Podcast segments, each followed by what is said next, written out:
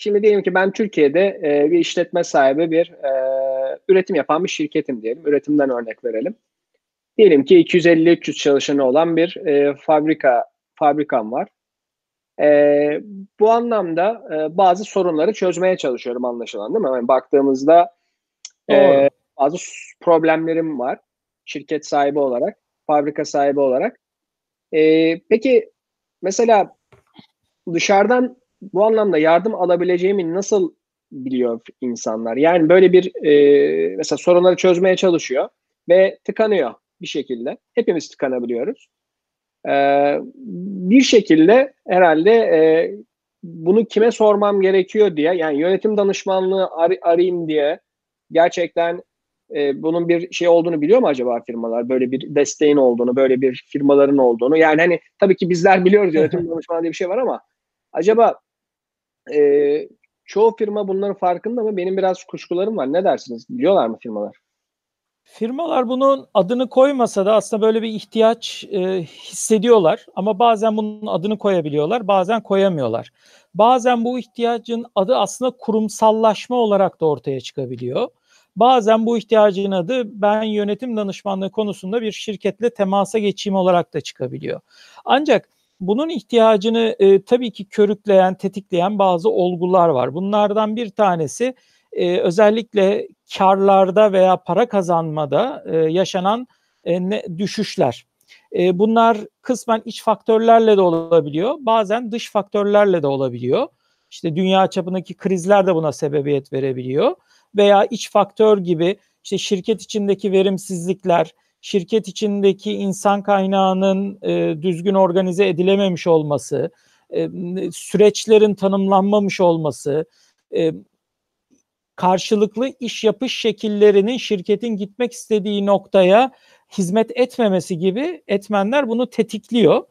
E, buradan ama en sonunda artık bu ihtiyacı kemiklerimde hissettiğim dediği an hani para kazanamadığını hissettiği an oluyor şirket sahiplerinin. Bunun bir Türkiye'de özellikle daha yaygın da istisnası aslında bazen de şirketin e, hissedarlık yapısında aile şirketi olduğunu çoğunlukla düşünecek olursak e, Türkiye'deki şirketlerin aile şirketlerinde nesilden nesile devir konusunda da buradaki yönetim danışmanlığı ihtiyaçları su yüzüne çıkabiliyor. Çünkü genelde gelen yeni nesil eski neslin uygulamalarını eleştirirken e, biraz hani kökten değiştirici bir tutum sergileyebiliyor ve bir çatışma ortamı doğabiliyor. Bu çatışmayı önlemek için her iki tarafta hem kurucu nesil hem alttan gelen nesil bir hakeme, bir yol göstericiye, bir rehbere ihtiyaç duyabiliyorlar açıkçası. Ee, burada sanki şöyle bir durum var Erdem Bey. Ne dersiniz? Mesela e, şirketlerin sonuçta e, 250 çalışan olan bir şirket örneğini verdik demin mesela. Diyelim ki şirketin 1000 çalışan olan bir şirket olduğunu varsayalım. Dolayısıyla hani insan kaynağı noktasında da aslında yetkin, yetkili e, müdürlerimizin olduğunu düşünelim. E, buna rağmen ama e, bazı problemler, bazı karşılaşılan zorluklar noktasında gene dışarıdan bir bakış, dışarıdan bir uzmanlık e, ihtiyacı duyabiliyor şirketler herhalde. Burada sanki ben şunu e, biraz düşünüyorum. Özellikle yönetim danışmanlığı e, şirketleri e, bir ekstra bir enerji aslında demek oluyor firmalar için. Dışarıdan bakış açısına sahip ve sonuçta işi bu olduğu için enerjik, dinamik ve okey diyelim ki bir sorunuz var.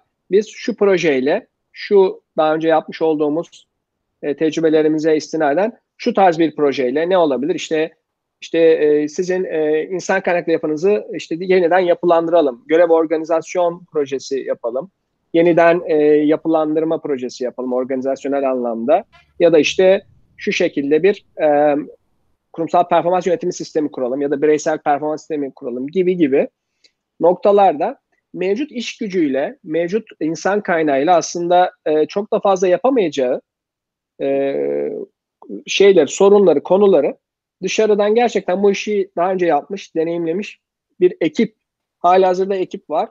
Tamam, bunu o zaman proje bazlı onlardan alalım diyerek aslında faydalanabilir bu danışmanlık faaliyetlerinden herhalde, yönetim danışmanlığı faaliyetlerinden. Yani burada aslında bu kendi içindeki yapıdan ziyade kendi içindeki müdürlerinden ya benim o kadar müdürüm var. Ben niye dışarıya bir daha yönetim danışmanlığı için e, şey vereyim ki diye sorular gelebiliyor mesela. E, ama burada herhalde farkı biraz hem uzmanlaşmış bir ekip, daha önce bunu yapmış bir ekipler olması e, öne çıkartıyor danışmanlık faaliyetlerini. Bir de hız, işte ve e, yapılan faaliyetlerin başarı oranı ve sonuçta dışarıdan herhalde hizmet alındığında e, yani bugün hesap sorma gibi bir durum söz konusu olabiliyor şirketler adına. Yönetim danışmanlığına bakın siz demiştiniz ki proje başında şunlar şunlar olacak ama günün sonunda şu olmadı bu oldu vesaire gibi. Ama kendi insan kaynağınızla yaptığımızda değil mi? Bu e, hesap sorma noktası nispeten dışarıdan alınan bir hizmete göre daha az oluyor ya da daha farklı dengeler olabiliyor. Ee, sanki bu da değil mi bir yönetim danışmanlığının e, belki alınması konusunda niçin fayda sağlayabileceği konusunda ya da neden var olduğu konusunda belki biraz daha ışık tutuyor gibi. Ne dersiniz? Kesinlikle yüzde yüz katılıyorum. Hatta söylediklerinizi şöyle bir adım daha ileriye götürelim. Şimdi burada ölçek veya firmanın yaşam hayatı boyunca bulunduğu yerde aslında alacağı yönetim danışmanlığının şeklini ve içeriğini belirleyen bir etmen. Bunu da göz ardı etmemek lazım. Özellikle şirketlerin e, kendi ülkelerinde veya dünya çapında bir marka, bir e, bilinen kurumsal bir yapı olana kadar ki yolculuklarında firmalar aslında şunun içinde danışmanlık alıyor. E, şunu da belirtmek lazım bu arada bir parantez açayım. Yönetim danışmanlığı tüm danışmanlık işlerinde olduğu gibi aslında e, belli bir dönemi kapsayan bir hizmettir. Yani bir şirketin ömrü hayatı boyunca aynı konuda bir yönetim danışmanlığı alması beklenmemelidir. E, belli projelerle her bir adım ilerledikçe alması beklenmelidir. Şimdi buradan hareketle de şirketler özellikle e, marka olup kurumsal bir yapı, bilinen bir yapı olana kadar e, kaliteli, iyi eğitilmiş, iyi okullardan mezun olmuş, e, şirketin veya farklı alanlardaki iş tecrübelerinde demlenmiş ve bunu şirkete katmaya hazır enerjisi olan insanları bünyesine katmakta oldukça zorlanıyorlar. Hem Türkiye'de bu böyle, bütün dünyada da bu böyle. Bu verilen kişiye verilen ücretlerle de alakalı olmuyor çoğu zaman çalışana. Çünkü e, bu bu tarz insanlar bu tarz e, firmalarda daha yolculuk hayatının başındaki firmalarda çalışmayı tercih etmeyi biliyorlar. Şimdi buradan hareketle firmalar arasında bu yönetimde daha iyi yerlere gelebilme tarif ettiğiniz gibi bu dinamizme ve e, bu zeka parıltılarına ihtiyacı var aslında.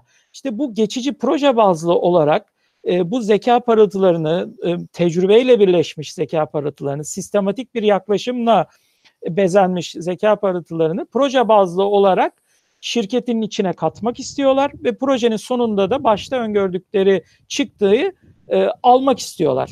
E, yönetim danışmanlığı karşılıklı iki kurumun birbiriyle yaptığı iş olduğu için e, burada sizin de doğru ifade ettiğiniz gibi sorgulama imkanları var. E, çıktının olup olmadığını kontrol etme ve yetersiz görüldüğü takdirde bunun iyileştirilmesini isteme hakları var.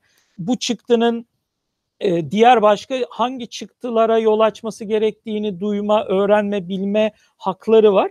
Dolayısıyla yönetim danışmanlığı hizmeti satın almak, e, Albert Solino gibi kurumsal bir firmadan örneğin, gerçekten firmaları e, ileriye götüren ve baktığınızda en azından belli bir ölçüye kadar bünyelerine katamadığı e, bu know-how ve e, zeka parıltılarını şirketin içine doğrudan katılacak bir uygulama olarak e, bünyelerine katmalarını sağlıyor. Gelelim ileri boyuta, ikinci boyuta. Belli bir kurumsal yapıya ve bilinirliğe ulaşmış şirketler peki e, nasıl fayda sağlar yönetim danışmanlığından? Orada da şöyle oluyor. Gerçekten farklı sektörler, farklı ülkeler, farklı e, dinamikler de bu ve buna benzer yapılan projelerden kişilere, yönetim danışmanlığı firmasına kalan e, bilgi birikimleri, kendi içinde edindiği know-how'lar farklı sektörlere uygulanması çok ciddi bir artı katıyor. E, unutmayalım ki e, şirketlerde, büyük yapılarda da çalışan e, değerli arkadaşlarımız e, yani bir insan olsun e, ömrü hayatında hani 3 şirket, 5 şirket, bilemediniz 10 farklı şirket görmüş olsun. Halbuki bir yönetim danışmanlığı ekibi, bizler gibi Albert Sorno gibi belki bir e, Albert Sorno da geçireceği çalışma hayatında nereden baksanız e, en az 50 ila 100 farklı projeyi üstleniyor veya bu projelerin içinde aktif olarak yer alıyorlar. Dolayısıyla 50-100 projenin kazandığı, 50-100 projeden kazanılan deneyim yeni başlanan 101. projede de çok ciddi bir artı olarak firmalarımıza özellikle kurumsal yapıdaki firmalarımıza büyük ölçekli diye tabir edilen firmalarımıza birçok değerli insan kaynağının olduğu ama büyümenin getirdiği çeşitli zorlukların olduğu firmalarımıza değer katıyor işin açıkçası.